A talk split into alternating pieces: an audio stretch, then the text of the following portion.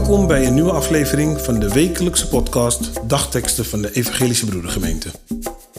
Een leerzame en inspirerende boodschap voor deze dag en de rest van de week.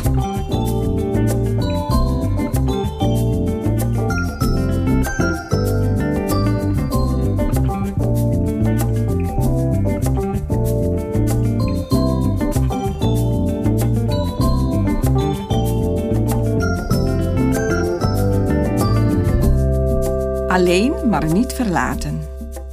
Vandaag is woensdag 17 januari.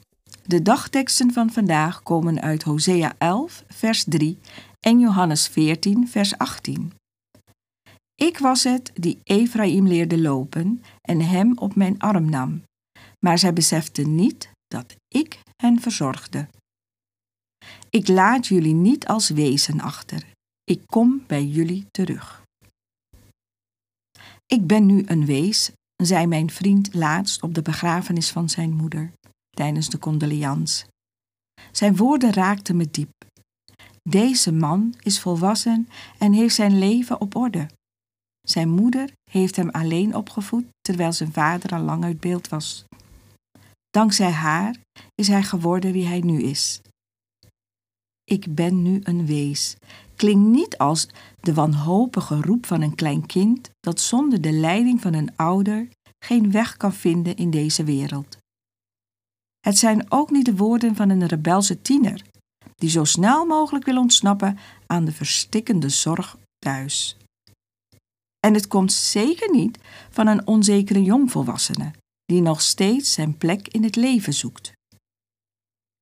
Voor mijn vriend betekent ik ben nu een wees, dat hij nu degene is die het moet doen.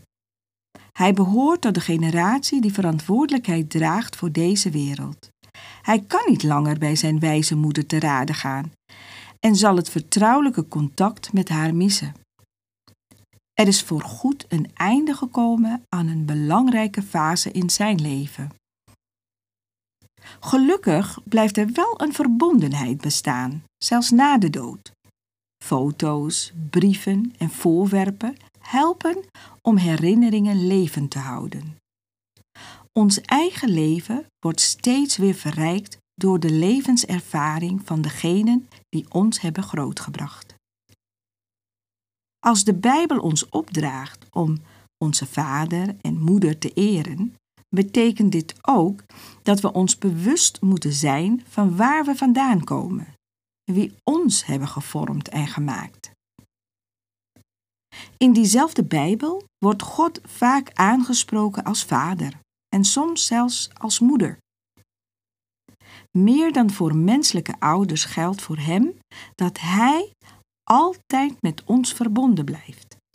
Hij is de levende God, de schepper van deze wereld die boven tijd en eeuwigheid staat. Zijn naam is liefde en Hij draagt ons ook in deze moeilijke tijden. God, dank u dat wij u Vader mogen noemen. Sta ons bij met uw liefde en wijsheid. En laat ons uw volwassen kinderen zijn in deze wereld. Amen.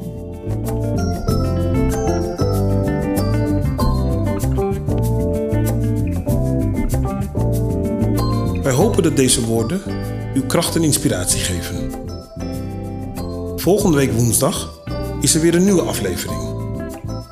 U kunt de podcast op het platform van uw keuze downloaden. Volg ons.